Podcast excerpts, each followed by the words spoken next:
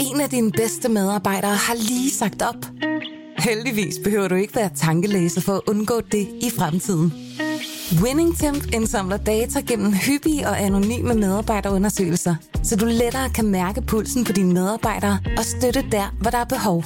Kunder som Alfa Laval, Orkla og Volvo bruger allerede WinningTemp og ser, at det øger trivsel, reducerer turnover og hjælper med at fastholde talenter.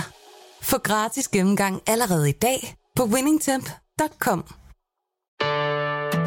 freedom, liberty, democracy. You could take the five worst presidents in American history Trump won't do what an American president must do. and put them together, and they would not have done the damage that Joe Biden has done. He refuses to denounce political violence. Are you getting ready? Is democracy still America's sacred cause?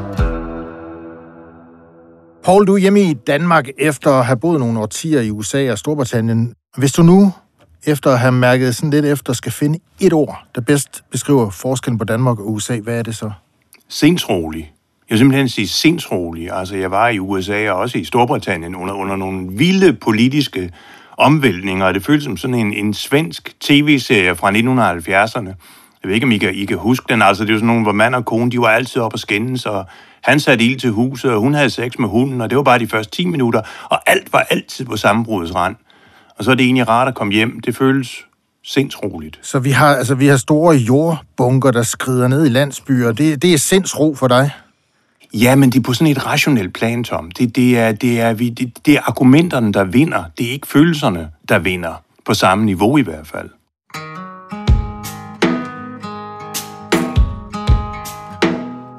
Det er blevet 2024, og det er året, hvor der er præsidentvalg i USA. Det tegner til at blive det vildeste, voldsomste og måske vigtigste præsidentvalg i USA i vores livstid. Vi har en kandidat, Donald Trump, der er under anklage for at ville omstyrte det amerikanske demokrati og kan ende i fængsel for det. Vi har en anden kandidat, præsident Biden, der er over 80 år og nærmest opfører sig som en på 90. Vi har en verden, der er usikker på, hvor USA står efter valget, blandt andet når det gælder støtten til Ukraine.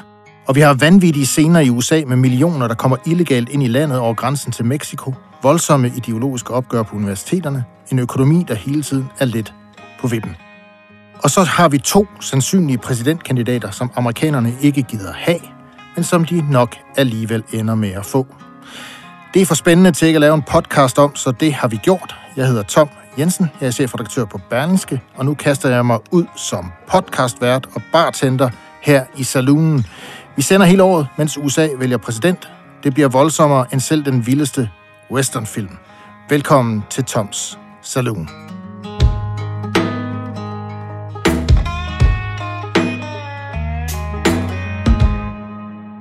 We will root out the communists, Marxists, fascists, and the radical left thugs that live like vermin within the confines of our country, that lie and steal and cheat on elections and will do anything possible. They'll do anything, whether legally or illegally, to destroy America and to destroy the American dream.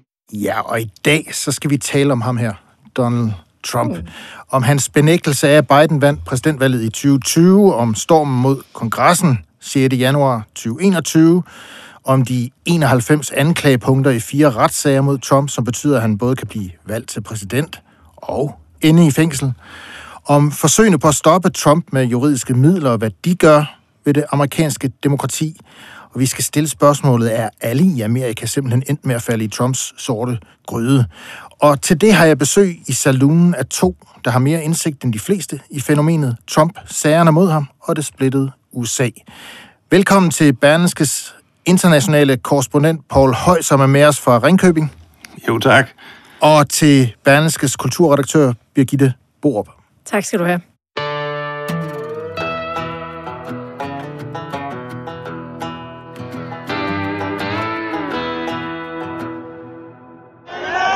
Bring out Pence!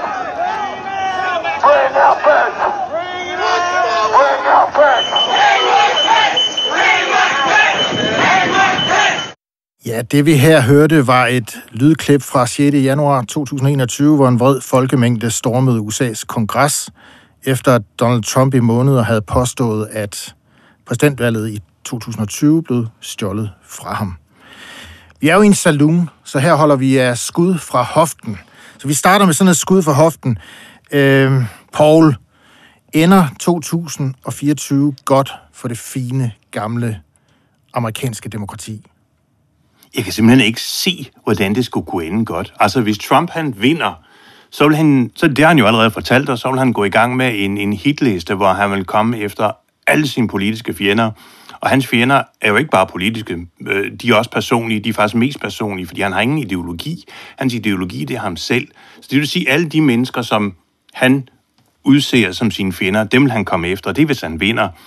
Hvis han taber, så vil han hæve, at valget er stjålet, og det vi oplevede den 6. januar 2021, altså stormen på kongressen, det vil formentlig gentage sig, og, og, og historien gentager sig jo ikke altid som en farse, så jeg er svært at se, hvordan 2024 skal ende godt. Birgitte, du har også boet i USA. Mm. Du rejser jævnligt derover stadigvæk. Øhm, hvordan ser du på det? Er, det, er, der, er der noget lys for enden af den tunnel, det amerikanske demokrati synes at være kørt ind i? Jeg synes, det de seneste år har lært os er, at øh, det, øh, det kræver for at fastholde et godt og sundt demokrati, det er, at størstedelen af befolkningen har en form for fælles sandhed, som de bekender sig til. At de tror på nogenlunde det samme, eller i hvert fald kan blive enige om at være uenige. Og det har USA de senere år vist, at det landet ikke længere er i stand til. Den fælles sandhed er forvidret øh, og erstattet af alle mulige øh, personlige overbevisninger. Øh, og af den grund alene øh, har jeg meget svært ved at se, øh, hvordan det kan ende godt. Så jeg er fuldstændig enig med Paul. Øh, jeg ser ikke umiddelbart nogen vej tilbage til, til det USA, som min egen generation husker som et stort og sundt demokrati. Altså, nu holder vi jo meget af på den her vis og går over på det andet fortog, og det, jeg tænkte på, da du stillede spørgsmålet, hvordan kan det ende godt? Og det kan man sige, det er jo også et svar i sig selv. Fordi det eneste, sådan som jeg ser det i hvert fald, scenario, hvor det kan ende godt, det er et scenario uden Trump. Altså et scenario, hvor han hverken er vinder eller taber, men, men han er skrevet helt ud af historien. Han er 77 år, måske kan helbrede, måske kan Gud tage beslutningen for os, eller måske siger han, jeg vil trække mig tilbage øh, og koncentrere mig om at snyde i golf. Eller bare en tredje ting, hvor han skriver sig ud af historien. Så tror jeg, at 2024 på en eller anden måde kan ende godt. Hvis der er andre, der skriver ham ud af historien, så tror jeg ikke, det vil ende godt. Og det er der jo nogen, der forsøger. Det skal vi også ind på øh, her i, øh, i programmet. Øh, men, men, men samlet set, så tror jeg, jeg vil konkludere, at der bliver nok at lave podcast om her de kommende måneder.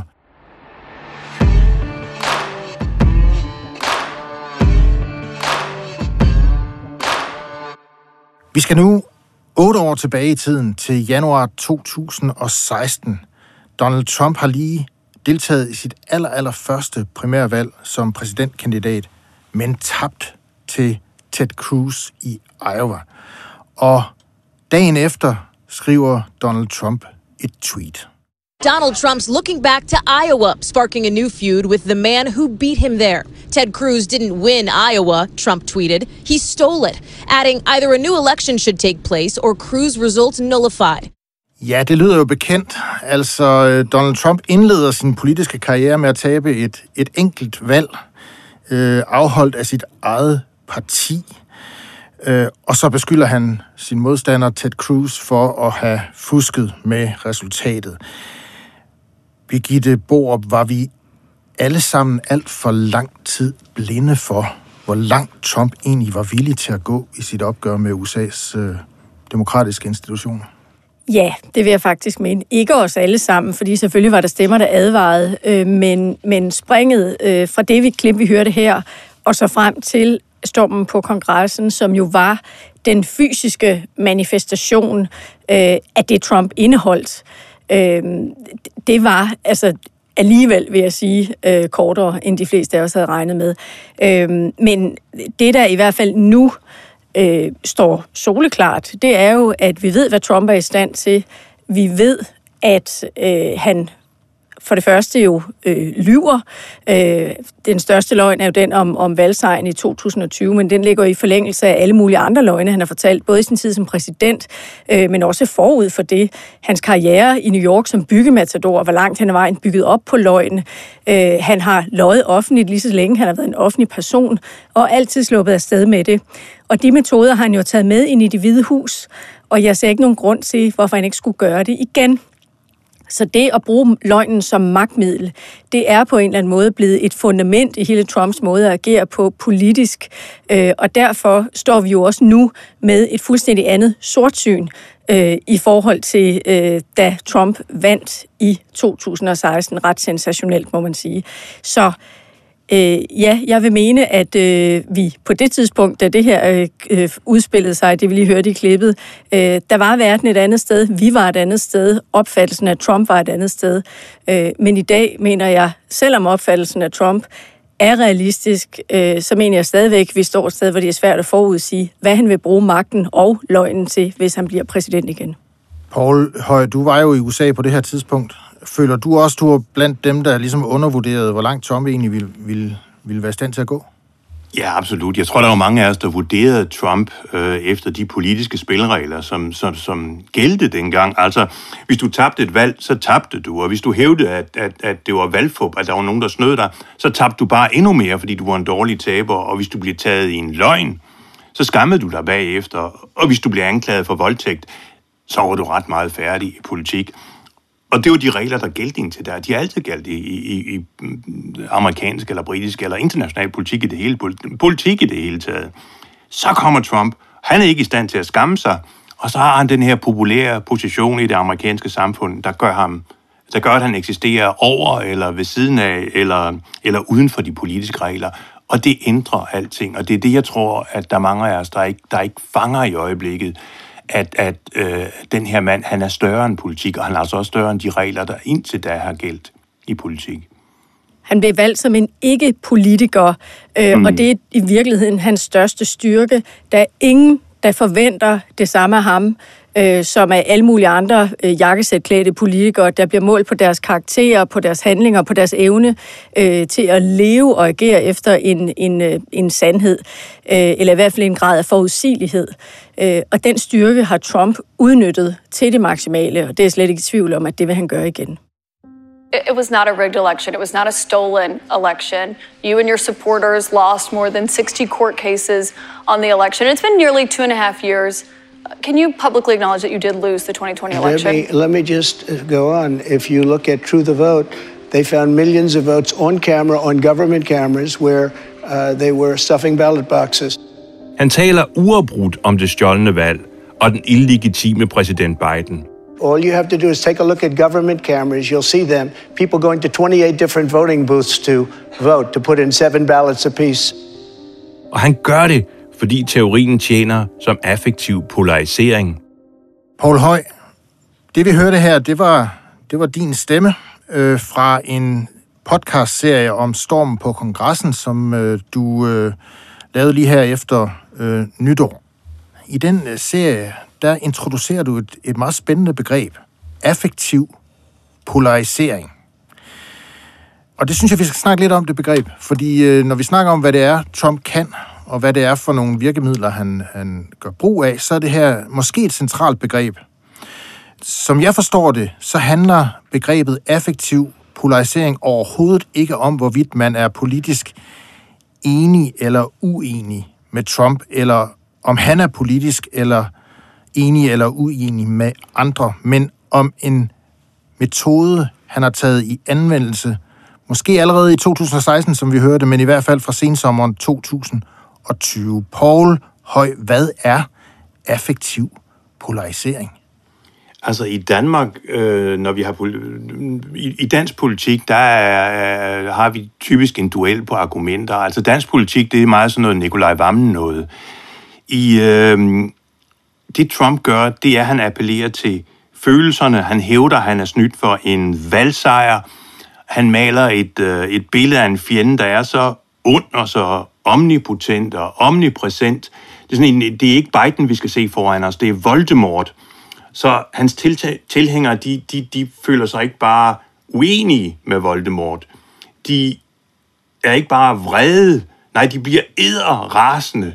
De, bliver, de hader, de raser, de har næsten lyst til fysisk at skade modparten. Og det er, hvad det her øh, affektiv, altså affektiv betyder jo noget med følelser, man reagerer i affekt. Det er, hvad der ligger i udtrykket, at det simpelthen skaber den der automatreaktion. Jeg har lyst til at komme efter den, Maja. Men hvorfor var, hvorfor var øh, resultatet ved præsidentvalget i 2020, hvorfor var det egnet til at få, få den her virkning frem? Fordi det, det han jo gør, altså det, det kan man måske godt forestille sig, det, det, det, han skaber jo den her dolkestødslegende. Altså han skaber den her historie om, at alle ærlige og oprigtige amerikanere, de blev snydt af en ond elite. Den bestod af demokrater, medier, techindustri og Kina og bøsser og Hollywood. Alle de ærlige og oprigtige amerikanere, det rigtige Amerika, de vil have Trump. Men så dolkede den der onde elite dem i ryggen og stjal valget fra dem. Det er jo, den, den er jo som skabte det der. Og, og, og det er så den historie, den dolkestøs legende, der får vælgerne i affekt og skaber den her reaktion. Vi skal nu lige høre et klip fra, fra også fra din øh, podcast-serie, Paul, med en, en grædende sigtet i en politiafhøring. Han hedder Daniel Rodriguez, tror jeg.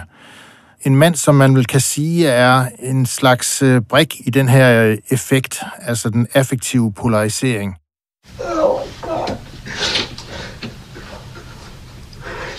Crying. I'm a grown man and I knew what I was doing. Birgitte Borup, men det her handler jo ikke bare om folk som Daniel Rodriguez her, der blev vivlet så meget ind i det her, at han valgte øh, at tage til Washington D.C. og storme kongressen. Det handler også om helt almindelige amerikanere, der ikke er klar til at gå til den slags yderligheder, men som alligevel også er vivlet ind i splittelsen. Hvis man skal sætte ord på den der kulturelle splittelse, som man ser nu, nu i, i, i USA, øh, sådan helt ned på sådan enkelt amerikaner-niveau, hvordan kan man så bedst beskrive det? Jamen, da Trump stillede op, så viste han jo ret hurtigt, at han havde en helt enestående evne til at skabe en bevægelse, altså noget, som var, var større end almindelig partipolitik og almindeligt sådan, politisk tilhørsforhold. Altså, han skabte et fællesskab. Øh, og det hænger jo sammen med, at han er ramt for det første et eller andet, som amerikanerne havde brug for, øh, og så har han øh, ramt et, øh, en, en sådan anti-elitær øh, tilgang til politik, som en, en bred koalition af amerikanere kunne samles omkring, fordi trætheden over Washington på det tidspunkt øh, var forankret relativt bredt i samfundet. Og i forlængelse af den bevægelse, øh, så fik Trump skabt et martyrium, da han først vandt magten i det hvide hus, fordi så kunne han jo fortsætte den anti-elitære fortælling. Øh, og det martyrium øh, rider han stadigvæk videre på. Det er blandt andet det, der har hjulpet ham øh, i den her lange række af retssager, der nu øh, venter ham, øh, fordi han kan gøre sig selv til offer, øh, og, og, og han gør det konsekvent, og det virker. Det må man bare konstatere. Man kan simpelthen se, at hans målinger øh, er gået ganske voldsomt i vejret, siden de her retssager mod ham begyndte. Øh, og martyret genererer så igen en loyalitet, som har vist sig at være for en stor dels vedkommende ubrydelig. Øh, det drejer sig ifølge målingerne om et eller andet sted omkring øh, lidt over en tredjedel af de republikanske vælgere, som dybest set aldrig har planer om at forlade ham. Øh, så der er et, øh, et mønster i det, øh, som dels handler om, om Trump selv, den personkult, øh, øh, det sådan nye momentum, han har ramt, som, som handler om ham og ikke om, om uh, traditionel politik. Øhm, og så er der selvfølgelig også noget tidsånd i det. USA har vist sig, det er noget, der, der også har overrasket mig meget, boldværket i forhold til især sociale medier har været meget skrøbeligt. Altså, det har ganske enkelt været muligt at påvirke amerikanerne med misinformation, med den der, de der individuelle nyhedsstrømme, som er øh, på en måde, som, som øh, jeg har været overrasket over. Samtidig er der sket en polarisering af medierne, som også har bidraget til det. Altså, der er en lang række faktorer, der bidrager til den her splittelse, men den er her. Øh, og, øh, og man må sige, alt i USA, alt fremdrift foregår lige nu i polerne. Øh, og den store historie om USA er ekstremt præget af det, men jeg vil så sige, når man er i USA, så finder man ud af, hvilket jeg personligt glæder mig meget over, at de moderate amerikanere, folk som egentlig bare ønsker sig tilbage til noget, som er mere normalt, de findes, og der er masser af dem. Men dem, vi hele tiden hører, øh, det er dem, man råber højst, og det er dem, øh, som debatten i USA lige nu er centreret omkring.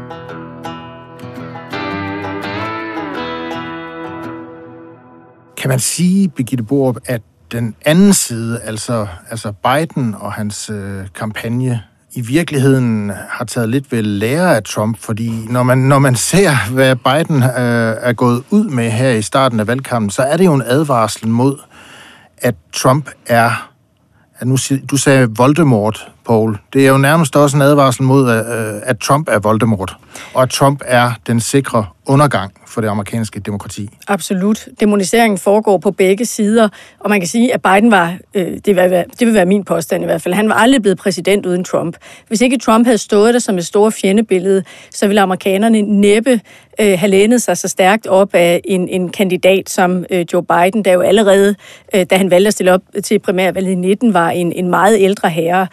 Øh, så der er et... Øh, et helt grundlæggende, en grundlæggende dynamik i gang nu på begge sider, altså hvor øh, Trump næsten er blevet midtpunktet, kan man øh, sagtens tale om, i Bidens kampagne, som han jo har bygget op omkring øh, demokratiet, kampen for demokratiet, kampen om the soul of America, som han kalder det.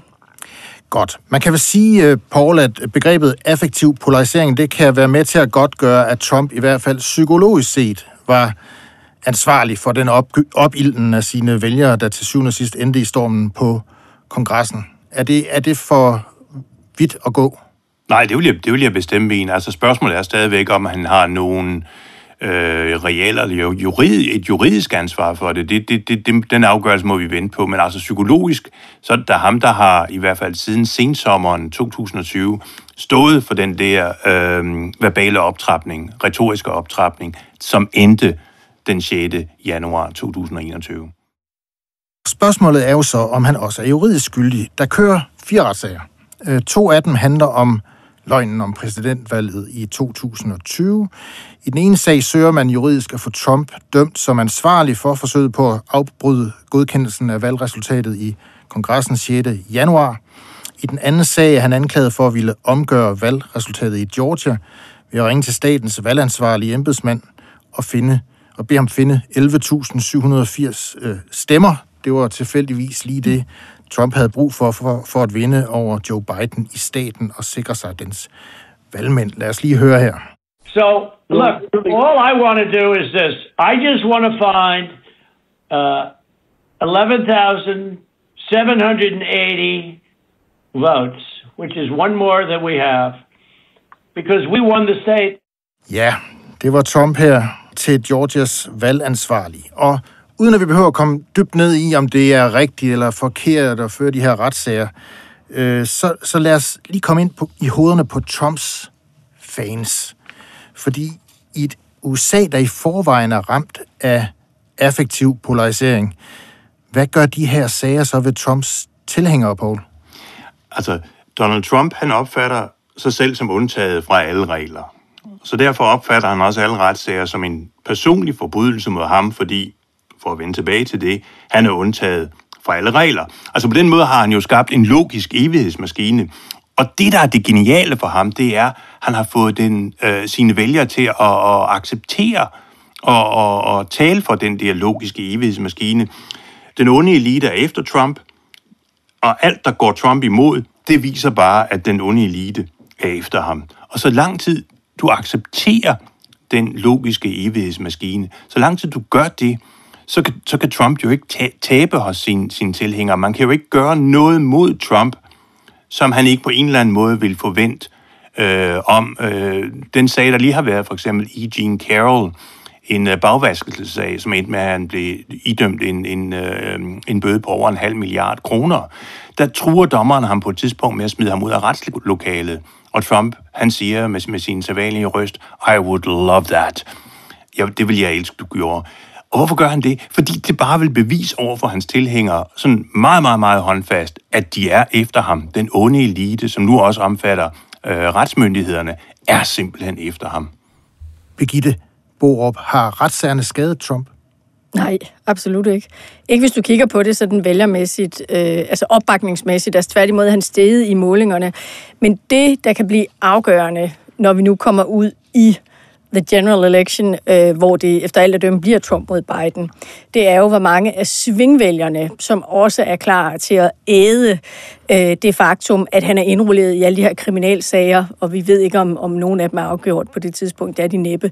Øh, så der kan komme en straf, men altså, som det ser ud lige nu, så er det kun hjulpet øh, Trump, øh, som jo nu er på vej til at blive primærvalgskandidat, eller øh, blive øh, valgt som kandidat i primærvalget. Det skal vi jo ikke glemme, og det er jo det, der også er sådan set er Bidens svaghed i den her øh, påberåbelse af at være demokratiets vogter, fordi det jo ikke lykkedes for Biden at få ryddet op i de fire år, han har haft.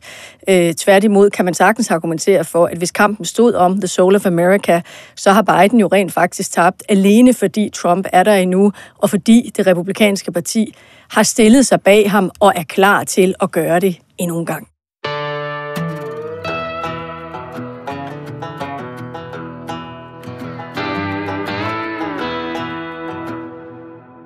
Fire retssager, som kører, det er jo ikke det eneste, der sker på den juridiske front i øh, USA lige nu øh, omkring valget. Om en uge så begynder det føderale højesteret øh, behandlingen af beslutningen i to stater, Colorado og Maine, om at fjerne Donald Trump fra stemmesedlerne ved primærvalgene i de to stater. Paul, hvad i alverden får to stater til at gøre det? Der er en del af forfatningen, der taler om, at den blev indført efter borgerkrigen, og hvis man har været øh, en af de her borgerkrigsaktører, altså gjort oprør mod forbundsstaten, mod, mod det forenede USA, så kunne man ikke stille op til valg.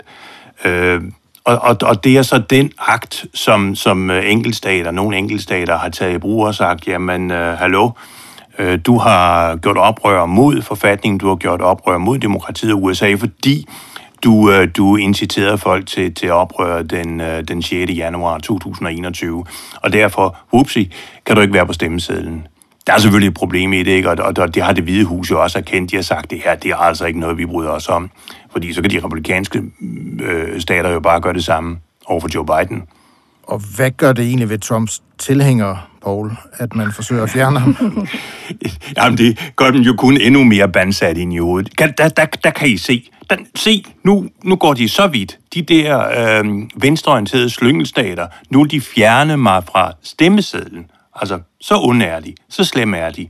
Det er der om noget affektiv polarisering. Men der er jo så det ved det, Birgitte Borup, at i USA så er sheriffer og dommer og alt muligt mm. andet, de er politisk udpeget. Modsat herhjemme. Hvad betyder det for skrøbeligheden af sådan tilliden til de demokratiske institutioner i USA lige nu?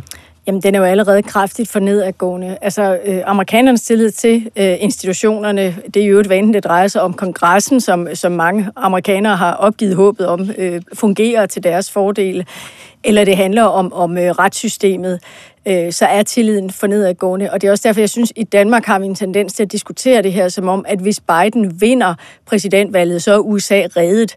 Men den bevægelse, der er i gang, altså den bølge af, af øh, undergravende øh, tankegang, adfærd, samtale, alt der foregår øh, omkring de demokratiske søjler i det, amerik- i det amerikanske samfund, den bevægelse kører allerede, og, og spørgsmålet er, om den kan stoppes. Der er jeg måske knap så optimistisk som Paul, som mener, at hvis Trump bliver taget ud af ligningen, så vil der være et håb. Men øh, det er jo ikke godt at vide, om der kommer en, der stiller sig i stedet for Trump, og som kan noget af det samme. Men jeg er enig i lige nu, er den bevægelse primært øh, drevet af Trumps øh, tilstedeværelse. Bare, bare lige en pointe omkring retssagerne. Det er jo en bizarre situation, vi har. Øh, altså, nu er vi jo i en saloon, og jeg tænker så lidt, jeg ser sådan et billede af, af, af Trump, der løber som en cowboy, og så har han en bison efter sig, sådan en bison øh, med sænket hoved, ejet og fnysende. Fordi han er jo nødt til at løbe. Han er jo nødt til at blive ved med at løbe politisk. For ellers så kommer de her retssager efter ham, de indhenter ham. For i det øjeblik, han, han, han holder op med at stille, stille op. Altså hvis han siger, jeg gider simpelthen ikke det skrammel mere, nu trækker jeg mig, jamen så, så, så dør hans magt jo. Jeg så et medie, der kaldte det uh, The Donald Trump Doom Loop, hvor han simpelthen er nødt til at fortsætte med at løbe og løbe og løbe og stille op og stille op og stille op.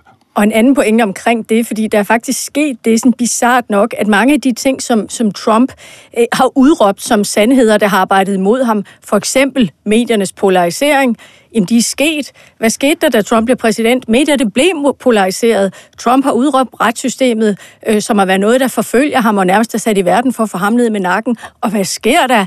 Jamen, øh, retssystemet begynder rent faktisk at agere på en måde, så han kan overbevise sine tilhængere om, at det her er en sandhed. Så der er altså også noget, noget selvopfyldende øh, i de her profetier, som Trump øh, er kommet med. Øh, altså, hvor det lykkedes ham at sætte det der øh, aftryk på øh, det amerikanske samfund øh, og de institutioner, der engang bar det. Vi skal lige til sidst her forsøge øh, at besvare spørgsmålet om, hvem der egentlig så satte gang i det der. Altså, hvem, hvem var det egentlig, der begyndte? Og igen, hvis vi nu lige kravler ind i hovedet på Trump og hans tilhængere, så vil en del af dem måske nok sige, at det ikke var Donald Trump, der begyndte med at gå efter sine politiske modstandere med udemokratiske og juridiske øh, midler.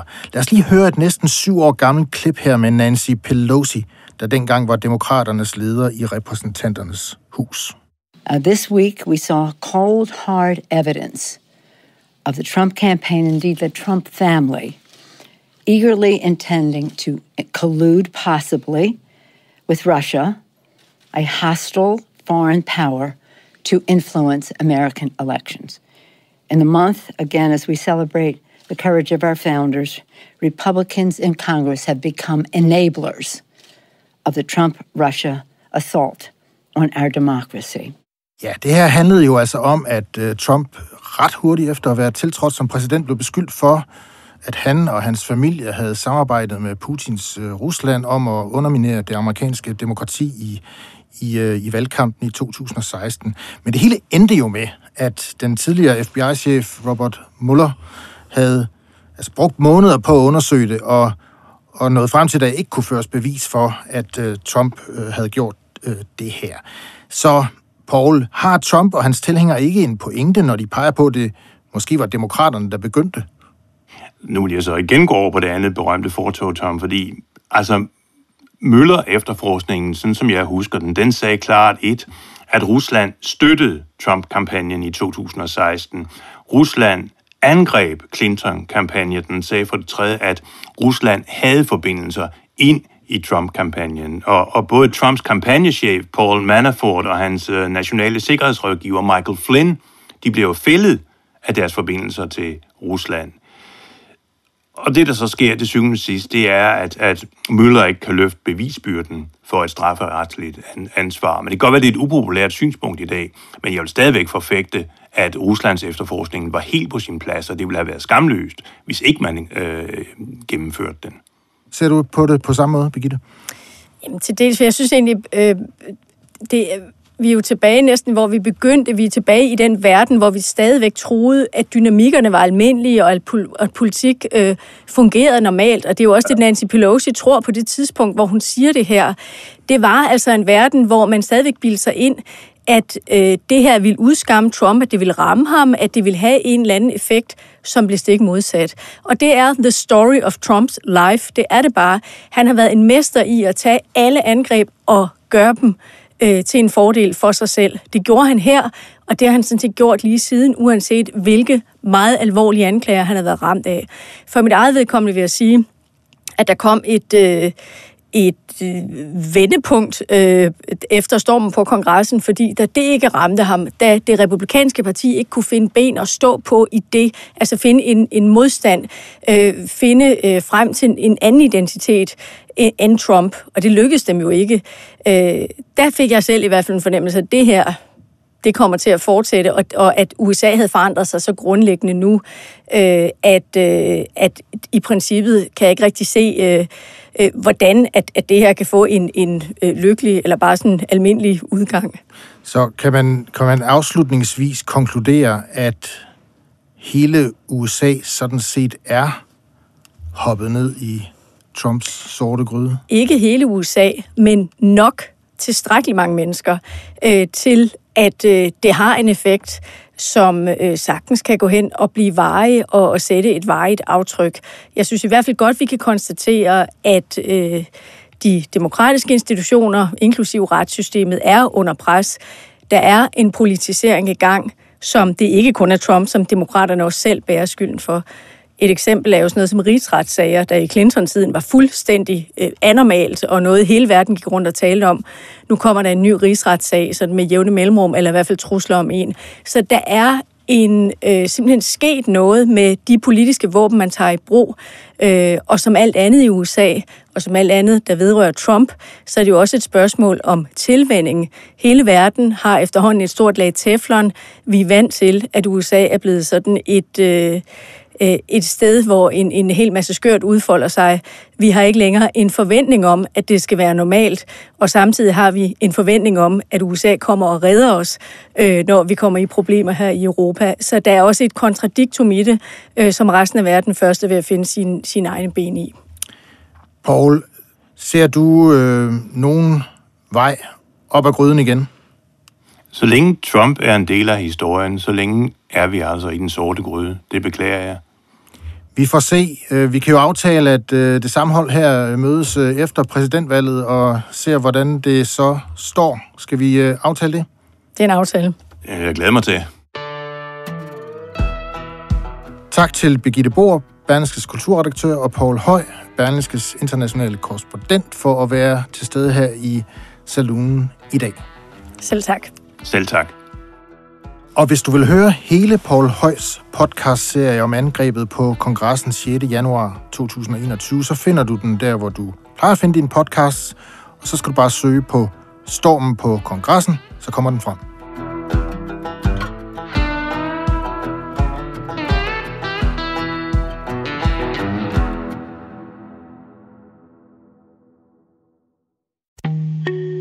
En af dine bedste medarbejdere har lige sagt op. Heldigvis behøver du ikke være tankelæser for at undgå det i fremtiden. WinningTemp indsamler data gennem hyppige og anonyme medarbejderundersøgelser, så du lettere kan mærke pulsen på dine medarbejdere og støtte der, hvor der er behov. Kunder som Alfa Laval, Orkla og Volvo bruger allerede WinningTemp og ser, at det øger trivsel, reducerer turnover og hjælper med at fastholde talenter. Få gratis gennemgang allerede i dag på winningtemp.com.